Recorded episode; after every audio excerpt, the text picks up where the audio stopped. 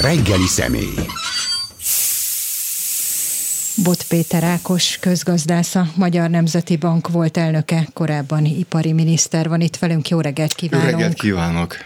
Kezdjük a költségvetéssel. Az elmúlt években folyamatosan probléma volt, hogy, és hát mondhatni be is futcsolt az a költségvetési tervezés, hogy mindig egy kicsit hamarabb próbálták megszavaztatni. Ennek ellenére idén is bejelentette Gulyás Gergely, még az legutóbbi kormányinfón, hogy még a nyári szünet előtt meg is fogják szavaztatni azt a költségvetési tervezetet, amit május végén terjesztenek be a parlament elé, és azzal érvel, hogy majd ez egy fontos üzenet lesz a befektetőknek az a kérdés így első körben, hogy egy amúgy is bizonytalan gazdasági környezetben tényleg jó üzenet ez a befektetőknek, hogy ilyen korán elfogadjuk ismét a költségvetést? Kérdésben benne van a válasz. Ez egy rossz szokás, amihez ragaszkodik kitartóan a kormány. Ugyanis annak sem értelme nincsen, hogy túl korán beterjeszti a következő éves költségvetést, miközben meg azt se tudja ebben az évben mi lesz. Ennek megfelelően az a szöveg, hogy ez a gazdasági szereplőknek ad valamilyen támpontot, az nyilván nem állja meg a helyet. Miért csinálják? Korábban még értettem azért, hogy miután nem fog beválni, ezért hozzá kell nyúlni, és miután hozzá kell nyúlni, akkor szép saját szájuk íze szerint átrendezik a kiadási bevételi titeket, mondani, hogy megváltozott a világ, amit el megváltozott. Tehát ez egy, egy olyan probléma, hogy nem lenne akkor, hogyha nem állítanák elő. Hogy most miért csinálják, azért nem tudom, mert most ugye úgynevezett vészhelyzeti kormányzás van, hát bármit bármikor meg lehet csinálni, tehát akár lehetne azt is, mint amit idén, hogy nem volt költségvetés, nem tudom, emlékeznek erre, rá, a 23-as évről beszélünk, nem 22 nyarán, nem 22 decemberében, 23 márciusában szíveskedett a parlament eh, megszavazni. De hát ettől a magyar gazdaság se jobb, se rosszabb lett. Kicsit rosszabb lett persze, mert az egy jó költségvetés az, az egy fontos dokumentum minden rendes országban, mert részben számukérhető, részben pedig tényleg tudnak rá támaszkodni a gazdasági szereplők. Tehát ez egy rossz szokás, amihez ragaszkodik a kormány, nem ez az egyetlen. Lette ebből a rossz szokásból bármi baj? Mondta Eszter, hogy az elmúlt években nyilván nem függetlenül attól, hogy nagyon változott a világ évközben is ez, ez a elfogadott költségvetés, ez nem úgy nézett ki a végén, mint ahogy azt elfogadták, de hát a laikusok azt mondhatják, hogy a gazdaság elketyegett, a nyugdíjakat kifizették, akkor nem mindegy, hogy mikor fogadják el, ha majd meg kell változtatni, akkor megváltoztatják. Nem, hát nyilván nem mindegy. Tehát egy családnak is, ha van egy költségvetési terve, akkor lehet tudni, hogy hogy nem tervezünk be Miami Beachre kirándulás, mert nem fogja futni, tehát nem kell improvizálni, úgyhogy nem rossz, hogyha van költségvetési terv, de már évek óta nincsen, és akkor persze mondhatja azt, hogy de a gazdaság ettől elmegy. A gazdaság nagyon szívós, hát persze, hát az emberek azért reggel fölkelnek, munkákat elvégzik, a cégek is elvégzik, de azért hozzá kell tennem, olyan országban, ahol nincs tisztességes költségvetési terv, és nem lehet tudni, hogy adószabály meddig meddig él, és mikor lép hatályba. És euh, akkor a cég hogy tud tervezni? Megsúgom. Hát úgy, hogy, hogy nagyobb bevételeket állít be, kis hájat rak magára, téli hájat, hogyha jön a nagy hideg, akkor legyen ugye miből leadni. Tehát az magyar inflációnak az egyik sajátosság, ami ugye torony magasan vezet Európában, pontosan az a bizonytalanság, ami arra ösztönzi azokat, akik megtehetik, vagy úgy gondolják, hogy megtehetik, hogy túlárazzanak egy kicsit, felkészülve arra, hogy ma jön a pénzügyminiszter, és egyszer csak kivet rájuk valamilyen extra adót.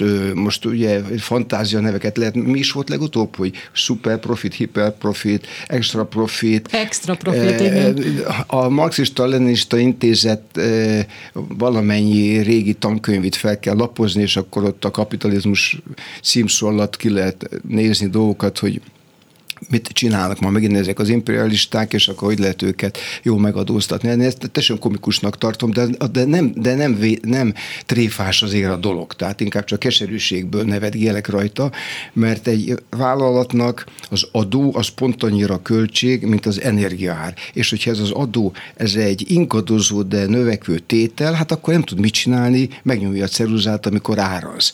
És hogyha az ember kibírja fizetni, akkor kifizeti, ezt nevezik inflációnak Ha nem tudja kifizetni, az egy másik eset, és akkor, akkor hiába akkor akár még az infláció le is megy, de csak azért, mert a gazdaság recesszióban emberek zsebébe elfogyott a pénz, és akkor lehet, hogy most majd ha rátérünk 24-re, akkor 22, 23, 24 ugye most az adatokra, akkor egyik izgalmas kérdés az lesz, hogy mi is lesz az inflációval.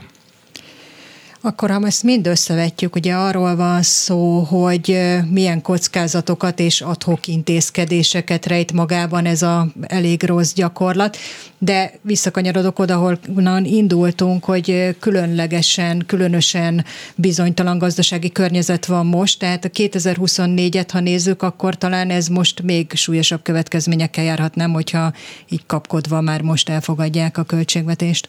Ugye mindegyik év nagyon kockázatos manapság, válság, mert eh, valóban volt egy 2000 11, 12 és 19 között a világban egy gyönyörű időszak. Most ez lehet, hogy minket hallgatók azt mondják, hogy nem volt az annyira szép, eh, vagy csak utólag szépül meg, de nem, nem, akkor is lehetett tudni, hogy a világgazdaságban van egy konjunktúra év. És akkor azért tulajdonképpen az a magyar gazdaság része a világgazdaságnak, tehát hátszele volt a magyar gazdaságnak. Ez megszűnt. És hogy 2000-ben jött egy krízis, az, az szimmetrikus, abban az értem, hogy mindenkit rosszul érintett ugye ez a járvány. 2021-ben jött egy helyreállítás, viszonylag szép adatok, 22-ben azért jött még egy háború is az év elején, és hát 23 az egy ilyen átmenet év, elvileg 24-től lehetne Európának, a világnak visszatérnie egy szép fenntartható pályára. Ha csak addig újabb bajok nem lesznek. Na most ugye én rögtön mondom, hogy hát ha csak. Tehát amit az előre az ember nem tud, azt nem tudja beépíteni a modelljeibe. Tehát mi is a kollégáimmal mi tervezünk előre, van egy megbízásos munkánk, és próbáljuk a pályát felrajzolni, és mindig abból indul ki, hogy ha és amennyiben az olajár nem megy följebb, ha és amennyiben a háború nem fajul el még, még, még jobban, ha és amennyiben az uniós pénzek jönnek, ha és amennyiben a társadalmi béke megmarad, tehát ilyen feltételek mellett lehet egy pályát felrajzolni, és akkor azt mondom, hogy 24, 2024 lehetne konszolidációs év, és a költségvetési tervezés az állami hivatalos, ezt rajzolja elénk, hát 4 fölötti növekedés van a beírva. Na most ugye papír sok mindent kibír, ezt is ki fogja bírni, de hát erre az évre is be volt írva másfél százalék. A Nemzeti Bank nagyon óvatosan és diplomatikusan azt írt a saját papírjaiba erre az évre, hogy nulla másfél százalék, nulla kötőjel másfél. Tehát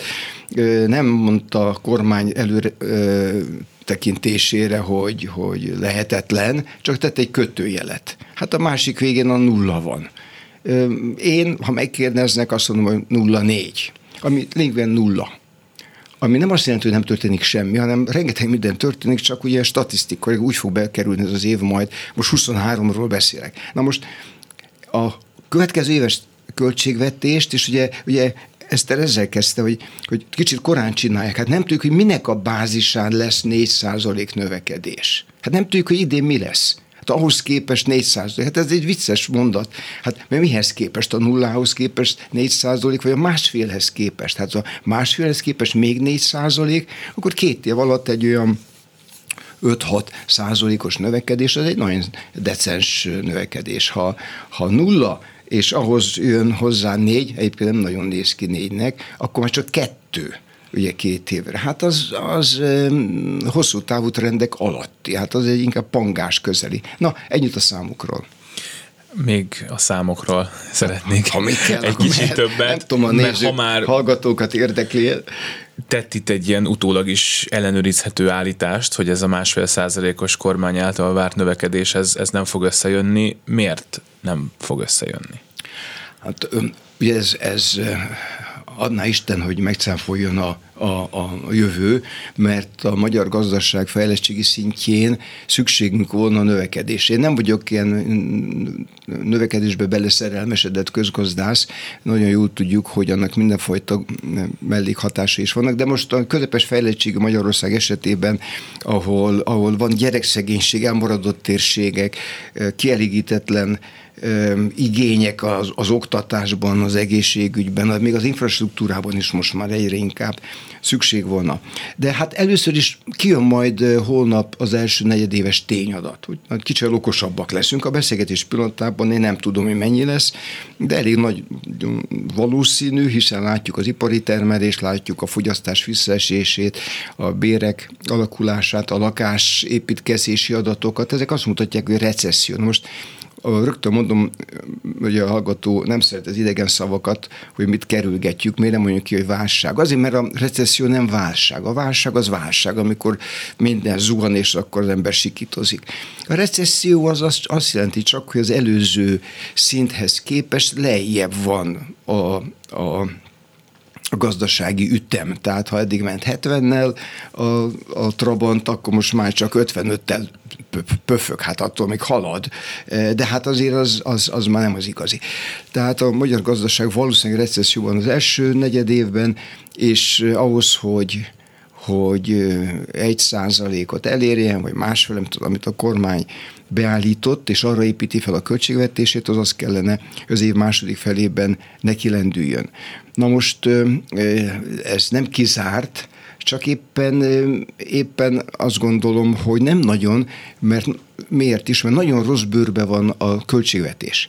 És ha a költségvetés rossz bőrbe van, akkor visszafogja a kiadásait, nem tud mit csinálni, az viszont hűti a gazdaságot. És vagy megnöveli az adóbevételeit. Az is hűti a gazdaságot. Ha ezt nem csinálja, akkor megint elszáll a költségvetés, és akkor megint probléma van, akkor a végén válság is lehet a következőben. Tehát ha el akarjuk kerülni a válságot, mondjuk a, a előző példát használ, hogy felforjon a motor, hát a régi Skodám eszembe jut, hogy a motorvíz felfor, és akkor le kell állni az útszélre, meg kell várni, amíg meg fizet kell önt, öntögetni benne, az baj ha csak ütemvesztés van, egy kis recesszió, az nem olyan nagy baj. Tehát a kis recesszió az, hát olyan, mint azt mondja az orvos, hogy maradjon otthon két napot, és pihenje ki magát, de akkor nem munkaképes úgy az ember. Tehát a gazdaság, hogy is, hogy is mondta, hogy zötyög, vagy, vagy hogy halad, vagy, vagy el van, vagy ugye megy előre, de hát azért ez nem, ez nem gazdasági növekedés. A költségvetési egyensúly fontosságáról beszélt. Elemzők szerint nem feltétlenül fogja tudni tartani a kormány már az idei hiánycélt sem. Ezzel egyetért, és hogyha tényleg nem, akkor milyen következményei lehetnek ennek? A hiányért sajnos nem aggódok annyira, mert, mert nagyon az infláció és az infláció nagyon kellemetlen nekünk fogyasztóknak, de nem annyira kellemetlen akár be vagy akár nem a pénzügyminiszternek. Mert hát e, a bevételek jelentős része, a legnagyobb tétel az a, a, a fogyasztás terhelő adó. Tehát e, e, áfa, a dohány, alkohol, stb. Még a vámbevételeket is mondanám, de az európai szinten képződik.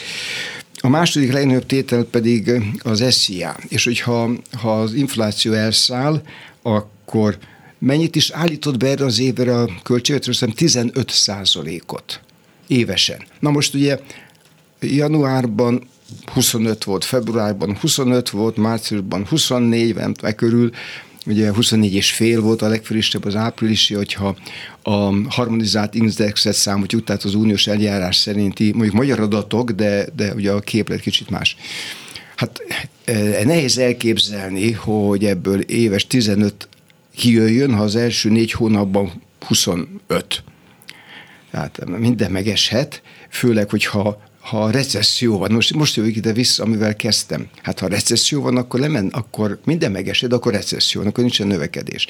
Ha viszont infláció van, akkor a államadóság, ami forintba áll fenn döntő részben, az, és nem csinálnak túl nagy újabb adósságot, akkor az egy kicsit elinflálódik.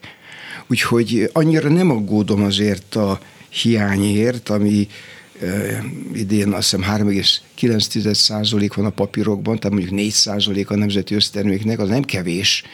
Hát a, a maximum engedélyezett békeidőben Európában, Európai Unióban az a 3 százalék, tehát ez jóval fölötte van. És hát a következő évre is beállítottak 2,9-et. A 2,9 az azt jelenti, hogy, hogy megígérjük a hármat, aztán Isten kegyelméből vagy teljesül, vagy nem még, még teljesülhet is egyébként. De mondom még egyszer, ez a forintban mért mutató, amelynek a számlálójában az adósság van, a nevezőben pedig a nemzeti jövedelem forintban. Na most, ha az infláció nagyon nagy, akkor az forintban az, az szépen dagad ez a, a nevező. Tehát akkor a tört akár még lehet is, de az, az sajnos nem lehet, amit, amit szeretnének sokan a kormány beleértve, meg hát nyilván áttételesen a, a adófizetők is, hogy a gazdaság húzzon, és az, az infláció ne legyen nagyon nagy növekedési szerelemről majd még kérdeznénk, de előtte itt ezt a bevételi oldalát a költségvetésnek még nézzük meg egy kicsit. Azt mondta, hogy az infláció az nekünk nem jó, de a költségvetés szereti viszont ön is említette azokat a tényezőket, például a kiskereskedelmi forgalomnak a csökkenését, ami viszont ezzel nyilván ellentétesen hat. Ma láttam, ez pici dolog, de mégiscsak árulkodó, hogy valami 30-40 százalékkal csökkent azoknak a száma, akik autó vezetni tanulnak, mert annyira drága most, hogy gondolom tologatják, főleg, hogy az autó is drága, úgyhogy akkor meg igazán minek. Szóval, hogyha ennek lesz egy, egy végeredménye, akkor kell tartani attól mégis csak a kormánynak, hogy bajba lesz ez a költségvetés. Már csak azért is, mert hogy a költségvetési hiánya, hogy az már itt szintén meg lehet említve, az nagyobbnak tűnik idénre a vártnál. Valami bevétel akkor nincs, nyilván az uniós pénz az egyik ilyen, amiről tudjuk, hogy egyelőre nincs. Valóban, hát ez, ez egy nehéz ügy majd, erről vissza kell térni az uniós pénzekre, mert hát a magyar állam, és azon keresztül a magyar gazdaság évek óta nagyon masszív uniós transfereket, tehát támogatást, segét lehet így mondani nyugodtan kap, és ezek a pénzek nagyon hiányoznak, ezek jövögetnek most még, hát az agrárpénzek jönnek a korábbi 7 éves ciklusból még, még nekünk járó, odaítélt pénzek úgy tudom, hogy jönnek, de az ember ebben nem nagyon lát bele, és a félelme pedig az, hogy, hogy nem jön minden, aminek jönni kellene, és akkor az, az óriási kérdőjelet rak a következő négy éves növekedésem. Ezek a, mikor azt mondtam, hogy az elmúlt tíz évben két-három százalékot a növekedés ütem, hozzá kell tenni, hogy emögött minden évben ennek a bizonyos GDP-nek a 3-4 százalékára rugó segélyben részesült az ország transferben. És akkor óriási kérdés, hogy ha ezek a pénzek nem jönnek, na akkor mire képes a, a magyar nemzetgazdaság? Ugye ez egy nagyon kellemetlen kérdés, és mindig föltettük magunknak, és nem könnyű rá válaszolni. Na, de a, a, a, a példája az érdekes hogy én nem látom ezt az adatot, de elhihető, hogy kevesebben iratkoznak be most autóvezetni. Sok oka van. Valószínűleg megdrágult maga a kurzus. És mint hogy megdrágult az autópálya matrica, megdrágult a fodrász, a könyvelő és egy halom szolgáltatás. És ez a magyar inflációnak most már a sajátosság, ami miatt én nagyon szkeptikus vagyok, hogy le tudna menni éves 15% ra mert hogy nem a élelmiszer hajtja most már, és nem csak az energia hajtja most már, hanem minden más is. És ez azért speciális, mert Nyugat-Európában az szintén felszalt, hogy az Egyesült Államokban rég látott irdatlan magasságokra fölment, akár 9%-ra is fölment.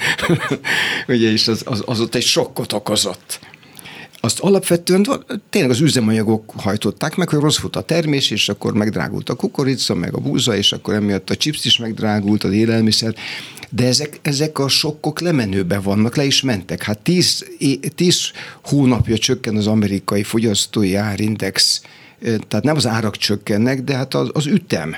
Ugye 9, 8, 7, 6, most már 4 egész valamennyi. A, de azért ott is, ott is azért kiterjedt azért a szolgáltatásokra. Magyarországon most kijött a legfrissebb adat, a legutóbbi, és az volt a nem az volt benne a, a kellemetlen, hogy 24 százalékos a fogyasztói árindex, és lehet mondani, hogy eddig 25 volt, hát már egy kicsivel lejjebb ment. Már csak éppen, hogy nőddögélt az előző hónaphoz képest mondjuk az árszint. Előző hónaphoz, mert a 24 az előző évnek az azonos hónapjára vonatkozik. Tehát ez arra vonatkozik, hogy, hogy most áprilisban a tavaly áprilishoz képest egy negyed éve drágább, úgy minden. De ez a minden mögött most az van, hogy a szolgáltatások is megdrágultak. És ez, ez azt is jelenti, hogy átterjedt most már az infláció az életünk minden részére, emiatt nagyon nehezen tud lemenni. Mert hát mitől menne le, hogyha ha mindenki szépen átárazza a a, a teniszpálya bérlettől az autópálya matricáig, akkor ez többe fog kerülni, ez a, a családi büdzsét apasztja, úgyhogy ez egy kellemetlen ügy, ez az infl- magyar infláció, ez beragadni látszik. Még mielőtt rátérnénk a magyar inflációra, még vissza a költségvetésnek a kiadási oldalára, ahol az látszik, hogy hát rendesen próbálják megvágni, elmaradnak beruházások, stb. stb. Szerintem ez évről évre ilyenkor felszokott merülni ez a kérdés, mint tud spórolni a kormány, hogy meglegyen a költségvetési egyensúly. Hát ha én most politikus lennék, akkor mondanám, hogy nem kell 300 államtitkár, mert az is sokban van, meg több száz ilyen-olyan kormány megbízott, de nyilván elég költséges a magyar állam, de a kiadási titleknél azért nagyon bizonytalan, mert nem tudom, nem látom. Hát egy rendes parlamenti demokráciában minden jelentős tételt be kell vinni, meg kell magyarázni, el kell mondani, érvelni kell, hogy miért kell annyi, annyi ez, meg az, meg amaz, és, és érvelni kell amellett is, a kekeckedő ellenzékkel szembe, hogy miért kell azt kihúzni, mert az ellenzék azt fogja mondani, hogy túl sokat költenek, mit tudom én, űrkutatásra, hát több astronautánk van most, mint 30 alatti gyerekorvos. Én, én nem tartom ezt jónak egyébként, ezt az arányt, de mikor azt mondjuk leállítanák, visszafognák, akkor el lehetne mondani, hogy akkor meg kárt okoz. Na, és akkor a parlamenti nyilvánosság előtt a miniszter érvel, és akkor az nagy közönség beleértve a magam fajta most elemzőt, akkor kap valami érvet, hogy miért kellett azt a presztis beruházást elindítani, és most, ha leállítják, vagy visszafogják, akkor nem lesz abból valamilyen kár, mert akkor az ember azt mondja, hogy ha már egyszer elkezdték, fejezzék be, vagy azt is mondhatja, hogy minél előbb abba hagyják, annál jobb, leírják veszteségnek, kész, legalább többet nem kell vele foglalkozni. Tehát nem tudok válaszolni a kérdésére, hogy honnan lehet visszaszedni. Hát erre való a parlamenti költségvetési vita ami több hetes egy rendes országban, és akkor mennek nagyobb tételenként, és megnézik, hogy nem lehet-e valahonnan leszedni. És hát azért, miután a magyar költségvetés beszippantja a nemzeti jövedelem felét, felét, elveszi a pénzünk felét, és visszapumpálja a felét, mert ugye ez egy nagyon nagy állam, a magyar állam, ez nem a román, ott a GDP-nek olyan 30%-át szippantja be a román állam, és annyit nyom vissza. Hát lehet mondani, hogy az utak még nem olyan jók, mert ugye kevesebbet költ. Igen, de kevesebbet vesz el. Tehát ezért például a fogyasztási szint az, az már ott kezd utolérni minket, ha lehet hinni a nemzetközi statisztikáknak. Na, ezt csak az zárójelben jegyzem, hogy, hogy ezekre a kérdésekre azért nagyon nehéz válaszolni, mert mert nem látjuk. Az apró betűt nem látjuk, és akkor, akkor oknyomozó újságírók, vagy, vagy, vagy hát nem tudom, ellenzéki képviselő elmegy, és rámutat egy-két olyan beruházásra, a, ez a lombkorona nélküli kilátók, 40 centis kilátók, meg ilyesmi, amik üzenik, hogy milyen, mondjuk kicsibe, hogy milyen pénzszórás történt, és akkor tippelhetünk, hogy három nullát mellé írva vannak még nagyobb projektek, amiket azért nem látunk, mert azok nem láthatók. Azt, azt nem tudjuk például, hogy, hogy mekkora állami támogatást kap egy, egy nemzetközi befektető, akinek megígérik, hogy idehoz x ezer milliárd forintnyi beruházásnak a 10%-át állja a magyar állam. Hoppá! Hát e, ez egy nagyobb tétel, mint az összes lombkorona és legkövezett városközpont és, és mindenfajta olyan, amire vagy van szükség, vagy nincs szükség. Kihúzogatnak állami beruházásokat, és ön is utalt korábban arra, hogy azért is kérdéses ez a idei gazdasági növekedés, mert hogy a költségvetés egyszer nem tudja felpörgetni a gazdaságot azzal, hogy épít mindenfélét, tegyük hozzá, korábban azért nagyon sok álláspont szólt amellett, hogy túl sok mindent épít a magyar állam, és akkor most ezek szerint ki fog derülni, hogy ha a magyar állam nem épít, akkor nem nagyon épít helyette más sem. No de most a kérdésem az, az lenne, hogy ennyire nincs pénz, ennyire nagy a baj, hogy valamit, amit ez a kormány, ez az állam itt egy évtizedet csinál, hogy megépíti és ezzel pörgeti a gazdaságot, azt most nem csinálja, a magyar állam politikája egy fontos részét teszi zárójelbe ezzel, ekkora a baj, ennyire nincs forrás költeni, építeni, beruházni? Már az előző szakaszban is kritikus voltam azt tekintve, hogy folyamatos állami deficittel fűtenek rá a gazdaságra. Mert én ugye nem vagyok növekedési mániákus, de mintha a kormány beleszeretett volna a GDP-be. Na most ugye, amiket hallgatok, már, már mindig összevonják a, a szemöldöküket, mikor ezt hallják, mert ez is nem világos, hogy mi az nekem az a gyanúm, hogy nem minden döntéshozónak is se világos, hogy mi az. Ez a bruttó hazai termék, ez nem a magyar nemzeti jövedelem.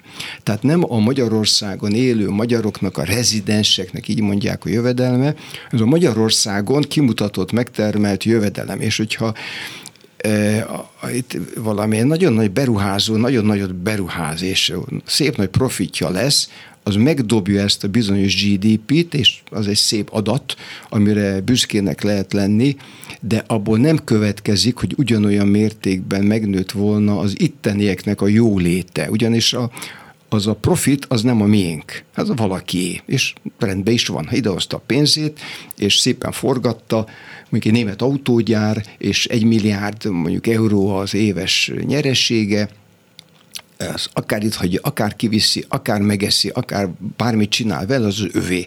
Benne van magyar GDP-ben, de nem, nincs benne magyar nemzeti jövedelemben. Ez csak azt a módszertani részt azért hozom ide, mert az egész elmúlt 10-10 valahány év egy ilyen nőjön a gazdaság, nőjön a GDP, akkor is nőjön, hogyha a költségvetés mindig deficites. Hát én mióta az eszemet tudom, Magyarországon nem volt egyensúlyi költségvetés. Aki visszalapozgat, akkor megnézi, hogy a miniszterelnök minden második évben megígérte. Általában tavasszal.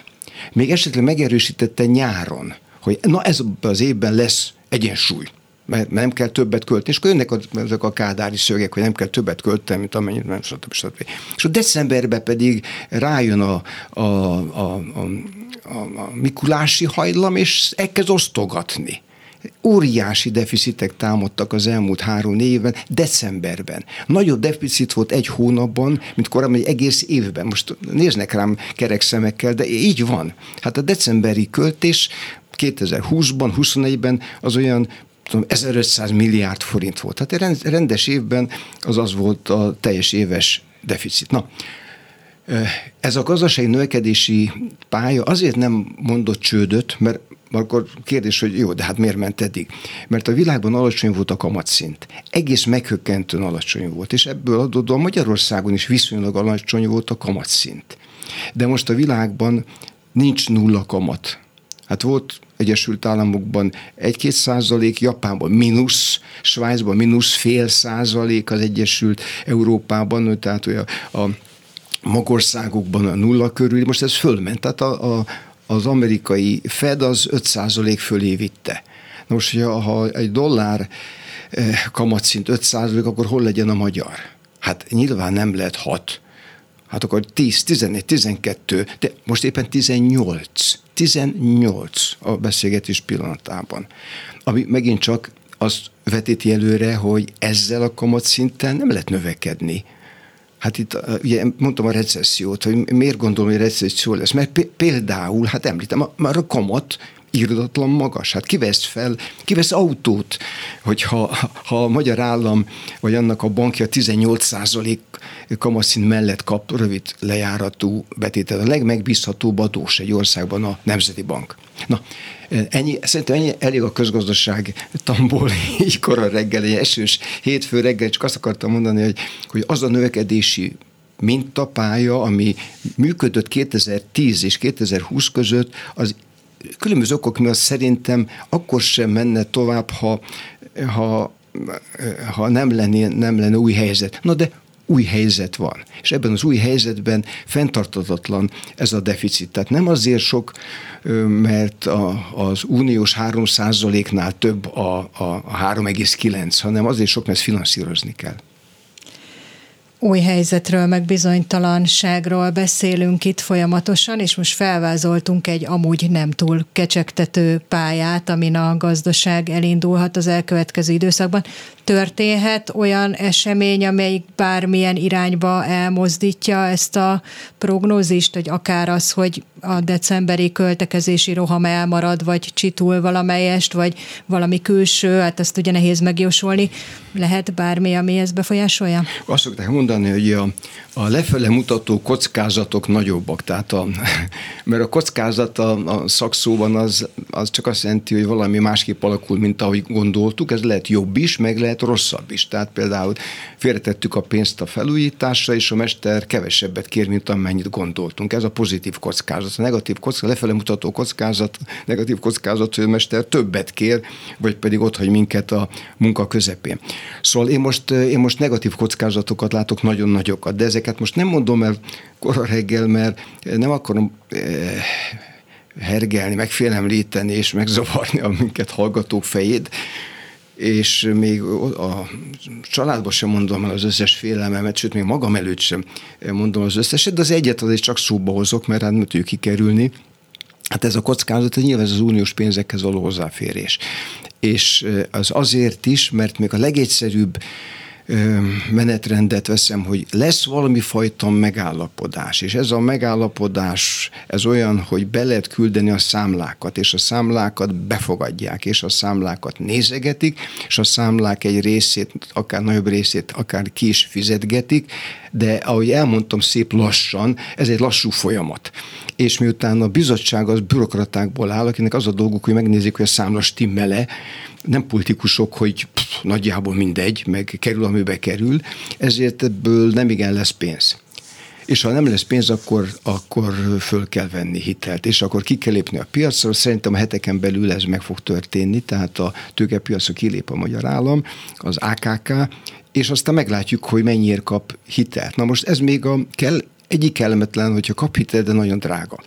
A még kellemetlenebb, és ez az én félelmem, de ezt most nem osztom meg mindenkivel, hogy ismerve a döntéshozókat, akkor majd keresnek ők, majd levágják a kanyart majd ugye, innen a légvonalban 5 kilométer a következő falu, de én tudok egy utattal erdőn keresztül, az csak négy.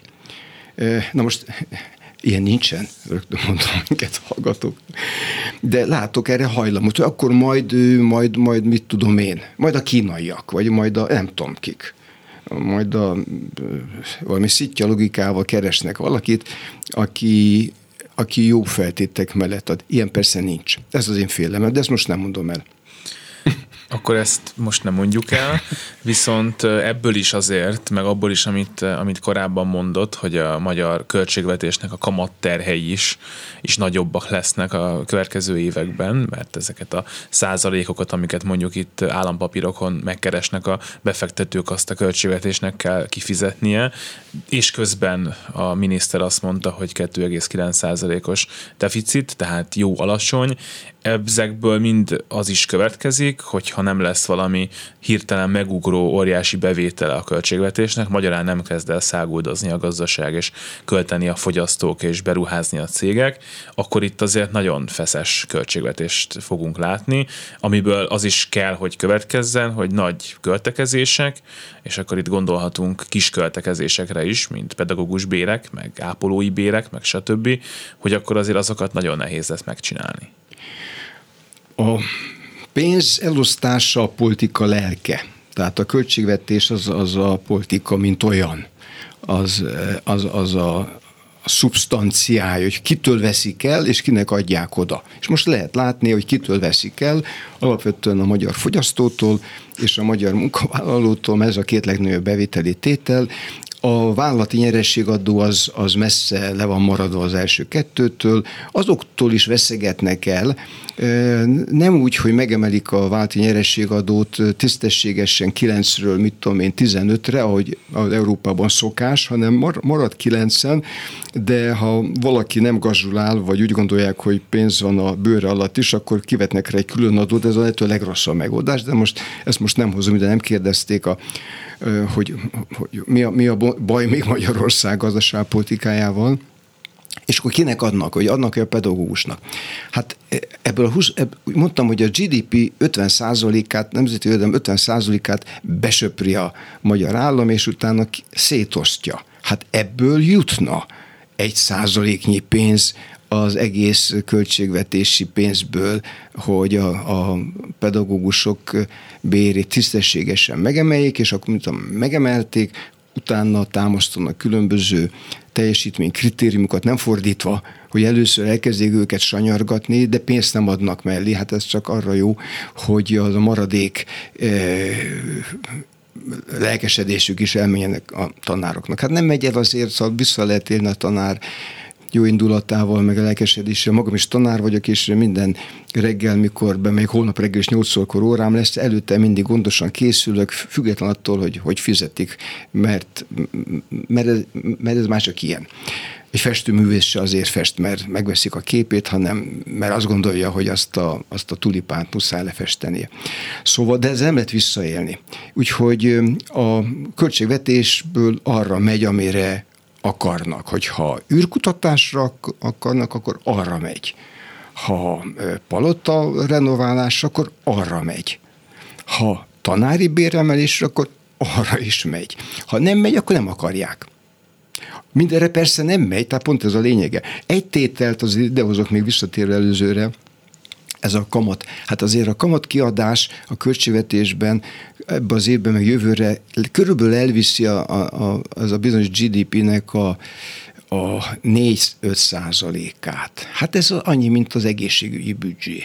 Tehát sok, sokba van az adósság. És azért mondom, mert sokak számára az államadóság az olyan, hát valamilyen mm, nagyon távoli ízé, tényleg 50-60 embert, ha érdekel az egy országban az államadósági arány. Tehát most megkérdezték negyedszer, és csodálkozom is, mert a hallgatónkat szerintem nem érdekli, de az a vonatkozás azért tényleg érdekelheti, hogyha ezt ki kell fizetni, már ki kell fizetni, ez a büdzsében pont akkor a lukat üt, mint mondjuk az egészségügyi költségvetés, az oktatási büdzsé. Háromszoros a katonainak, amit adósságra kell fizetni és ez, ez a múlt, múlt terhe, tehát ebben nincs benne a jövő adóssága azt is majd valakinek ki kell fizetni a gyerekeinknek, unokáinknak. Ezért is, hogy közgazdászként én, én nem valamilyen megszállottságból szeretném, ha legalább egyszer egyensúlyi költségvetést látnék az életemben. Még egyszer. Egyszer már láttam, de nagyon régen volt, három évtizede. Én most akkor átérnék a magyar inflációra, ami beragadta, hogy ön is említette, és amiben vicceskedve szoktuk mondani, hogy éllovasok vagyunk, valójában hát messze a legutolsók. És Hát említette ön is, hogy azért ezek az extra profit adók és egyéb különböző találmányok nyilvánvalóan nem segítik az ügyet, illetve Balázsi Zsolt, a holdalapkezelője beszélt erről nemrég a reggeli gyorsban, és ő például azt is mondta, hogy az egyik nagyon fontos tényező a vállalati szféra bizalmának a megingása, tehát hogy így nem lehet levinni az inflációt, hogy ennyire adhok a törvénykezés, és ennyire bizonytalan a jogi és gazdasági környezet. Igen, igen. Én is azt gondolom, hogy, és utaltam is, hogy az egyik gond az ilyen adókkal, hogy azok költségtétel, tehát nem tud mit csinálni a vállalat, tehát ki kell fizetni, akkor, akkor megemeli. Valaki mondta nekem, hogy az a chips, amit én, nekem a gyerekem szoktak vetetni velem, nem vagyok nagyon lelkes érte, annak 40 adótartalom. Mert 27 eleve az áfa, de van rajta chipszadó, meg a zacskón van meg még termékdíj, összerakta az illető, 40 százalék megy be a büdzsébe. Most ugye visszatérek arra, hogyha sok ilyen chipset vetetnek velem a gyerekem, akkor a pénzügyminiszter örül, mert a, a, ez mind az ő zsebébe megy, 40 százalék rögtön. De ez ugye ezek az adók, külön adók megemelik az inflációt.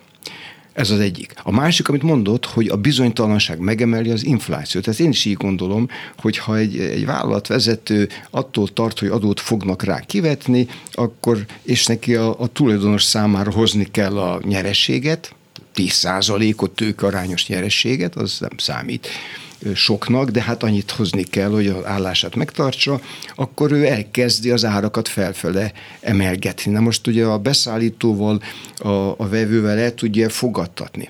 Hát, ha az az érzés az embernek, hogy infláció van Magyarországon, akkor a, a partner is el fogja fogadni, mert nem mondhatja azt, mint mondhatta ezelőtt mondjuk négy évvel, hogy te, hát az árak nem nőttek, miért akarsz árat emelni? Hát én nem, én nem emelek árat, mondta, én csak követem az inflációt és akkor ezért 20%-kal megemel valamit.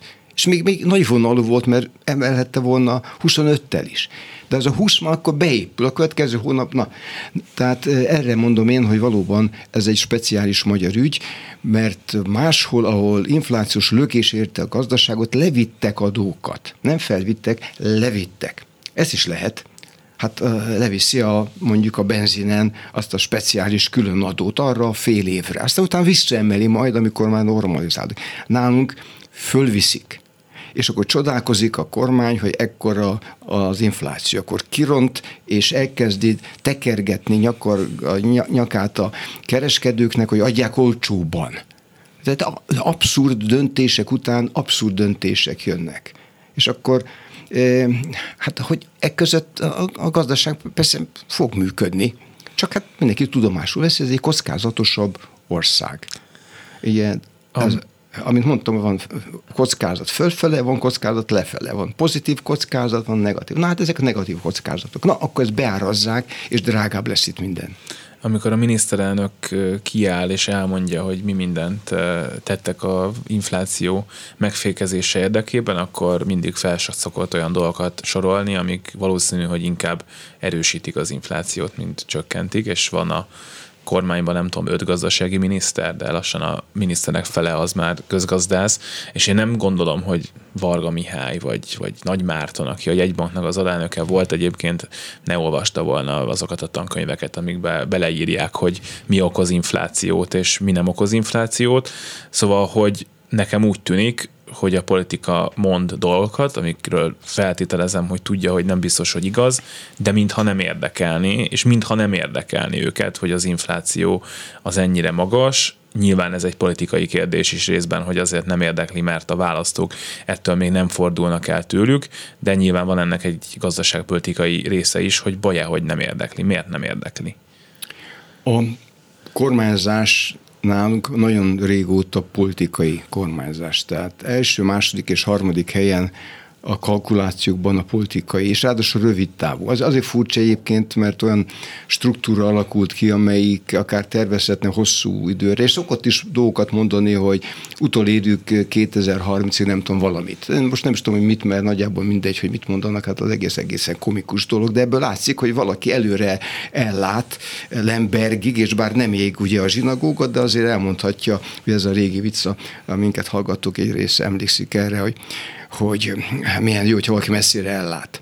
Na, e, ezek a komikus dolgok egy kicsit. Azért mondom, hogy komikus, mert e, a, aki mondja, talán e, talán tudja, talán nem. A mögött levő szakemberek kiválóan tudják, hogy a szöveg jelentős részének nincs semmi közgazdasági értelme, de nem, nem tudom, hogy kormányülések vannak-e, azok hogy zajlanak, meglehetősen valószínűtlen, hogy X és Y fölálljon és azt mondja, hogy miniszterelnök úr, neki nincs értelme, hanem bólint és aztán mondja tovább. Mert én is hallok, volt tanítványaim is, meg kollégáim is vannak ugye a kormányzatban, meg kollégák, mondanak nyilvánosan olyan dolgot, amikről ők is tudják, hogy nem stimmel. De de ami nem jó közgazdaságtan, az hosszú távon mindig pénzbe kerül, tehát gondot okoz. Úgyhogy el vagyok némileg keseredve, de már megszoktuk. Tehát azt is megszoktuk, hogy ha a döntéshozó mond valamit, hogy mit tudom, lesz egy millió munkahely, akkor a magyar apparátus addig csűri, csavarja a számokat és a valóságot, ami ki nem hozza, hogy ez teljesült is. És hogyha most azt mondja valaki, hogy egy számjegyű lesz az infláció, akkor addig csűrik, csavarják, amíg ez valószínűleg teljesül, és akkor az még rosszabb, mert akkor a valóságot igazítják a politikusi mondáshoz. Miért nem mond a politikus olyat, amelyik, amelyik helytálló? Nem tudom, a politikusok néha nagyon furcsa dolgokat mondanak. Én most egészen mókás dolgokat hallottam egy főkatonától, de hát a miniszterelnöknek is vannak történelmi eszmefuttatásai, amelyek az ember csak csodálkozva nézi, meg nyelvészeti kiruccanása is, most már nem vagyunk findugorok, ezeket mind, mind nézem, és, és, és érteni nem értem már szakmai szemszögből, de hát hogyha a mérések azt mondják, hogy ez a törzsközönséget megnyugtatja, akkor e, azt hiszem, ez az egyetlen válasz, hogy van talán nem a minket hallgatók között nagyon sokan, de vannak olyanok, akik azt gondolják, hogy ez így van, így kell lenni, és ez így jó. Én teljesen egyetértek Selmec János abban, hogy mintha nem érdekelni a kormány, sőt bizonyos szempontból érdeke is a kormánynak a magas infláció, akár ugye beszéltünk az államadóság elinflálásáról, stb. stb. De lesz az a pillanat, amikor már nem lesz érdeke, hogy ennyire kirívóan magas legyen akkor mit fog tudni tenni, hiszen ugye erről beszélünk már lassan egy órája, hogy milyen szerkezeti problémák, bizalmi problémák, akár bizonytalansági problémák, hogyha uniós pénzeket nézzük, vannak ebben az egész gazdasági rendszerben, illetve ki kell táncolni számos politikai intézkedésből, mint ezek az ársapkák és társai. Mit, mit fog tudni tenni a kormány, hogyha egyszer csak úgy dönt, hogy mégsem kéne, hogy ennyire elszálljon a magyar infláció? Az infláció ráadásul nagyon látványosan nagy lesz már a különbség, mert nálunk ugye beragadni látszik, erről beszélgettünk az előbb, máshol meg zuhan nagy ütemben lefele, mert hogy ki elmúltak azok az okok, amelyek egyszerű okok, amelyek felvitték, és akkor nagy lesz a különbség. És hát ezt persze észreveszik az emberek, úgyhogy az én félelmem az, hogy miután észreveszik, hogy, hogy itthon ilyen vaszakul élnek, még nagyobb lesz az a vonzóerő, hogy a mozgékony fiatal emberek máshol menjenek dolgozni. Szóval nekem nagy félelmeim vannak, és én a, erre a kérdésre, hogy akkor, akkor mit kellene csinálni, én, nekem vannak saját válaszaim, de, de ezek azzal kezdődnek, hogy mindent másképp kell csinálni, amit eddig csináltak. Tehát először is be kellene vallani a helyzetet, nem kellene úgy tenni, mint hogyha ha minden szép és jó lenne, és a, a, hozzá kellene esni a kiadási oldalnak, ekkora államra nincsen szükség, ekkora urizálásra nincsen szükség, és ezzel szemben szükség van arra, hogy a, a magyar gazdaság kiszámítható jó partner legyen az Európai Unióban, és azt a neki félretett sok milliárd forintot, ami egyébként ebből, ami nagyon fontos célokra van félretérve, tehát például a gazdaság versenyképességére, a házaknak a szigetelésére, a zöld átállásra, tehát mindarra, amire szükség van, az hozzáférjünk. De ahhoz az nem azt kell csinálni, mint most, hogy a minimumot megpróbálják teljesíteni, és akkor kiküldenek két minisztert, akkor próbálja elintézni, hogy a pénz jöjjön, én ezt, ezt teljesen komolytalannak és, és, és eh, kilátástalan aktatologatásnak látom a mostani. Tehát itt más, egy politikai fordulatra volna szükség, de ezt most nem tudom kifejteni, és szerintem az idő is lejár, hál' Istennek megment attól, hogy kifejtsem, csak az, hogy ebben a döntési struktúrából, ebből ez jön ki. Tehát e- ebben a nagyon nagy kifutást nem látok, csak azt látom, hogy görgeti maga előtt az ügyeket, most az inflációt, de azért van benne egy külső egyensúlyvesztés, egy nagy energiaszámla, és ráadásul olyan iparpolitikai döntések termékeket hozogatnak, amelyek be, be Magyarországot ebbe a sok energiaimportba, energiaszámlába, keleti függésbe. Én, itt meg tudnám riogatni a, a, a minket hallgatókat, de szerintem az időnk lejárt, úgyhogy megmenekülök attól, hogy mindezt, mindazt elmondjam, ami engem éjszaka az álmomat elrontja. Nekem még egy félperces kérdésem lenne, mármint a válaszra lesz nagyjából fél percünk. Van egy grafikon, ami nagyon sokat elmond szerintem, és remélem, hogy nem igaz, azt mutatja, hogy mennyi kiló kenyeret lehet venni egy havi fizetésből. És ugye az látszik, hogy az elmúlt tíz évben ez ment fölfele, de az elmúlt kettőben megment lefele, és visszamentünk oda, ahol 2010-ben voltunk. Magyarán, hogy gazdagodtunk egy picit, aztán meg elkezdtünk über módon szegényedni, hogy, hogy ebből mi lesz? Hogyha, hogyha reál bérekkel ez történik. Igen, ráadásul úgy történt, hogy az ország azért persze jutott előre, de akiknek a jövedelméből nagy részt kenyérre kell fordítani, azok valóban elszegényedtek, és azok, akik pedig nem kenyérre, hanem, hanem skótviszkire költenek, azok kevésbé érezték a megszorításnak a terhét, azok meg elgazdagodtak. Tehát szétnyílt az ország az utóbbi néhány évben, és ez megint tartatatlan. Ez, ez az egyik el csapdás csapdáknak, amiken túl kellene jutni, de ez mondom, újra kellene mindent kezdeni, és, és most nem látom ennek, a, ennek az esélyét. De a remény azért bennem van, és nézek fölfel a plafon felé, mert ne kérdezzenek vissza, mire alapozom. Hát igen, fölnéztem. Szerencsére nincs már időnk, hogy rákérdezzünk, hogy mire alapozza. Bot Péter Ákos közgazdász, a Magyar Nemzeti Bank volt elnöke, volt ipari miniszter, volt itt velünk. Köszönjük szépen, hogy eljött. Köszönöm szépen a meghívást. És ezzel véget ért a mai reggeli gyorsa. Technikus Csorba László volt, a telefonokat Balok Kármen kezelte. A műsor szerkesztésében részt vett Zsidai Péter.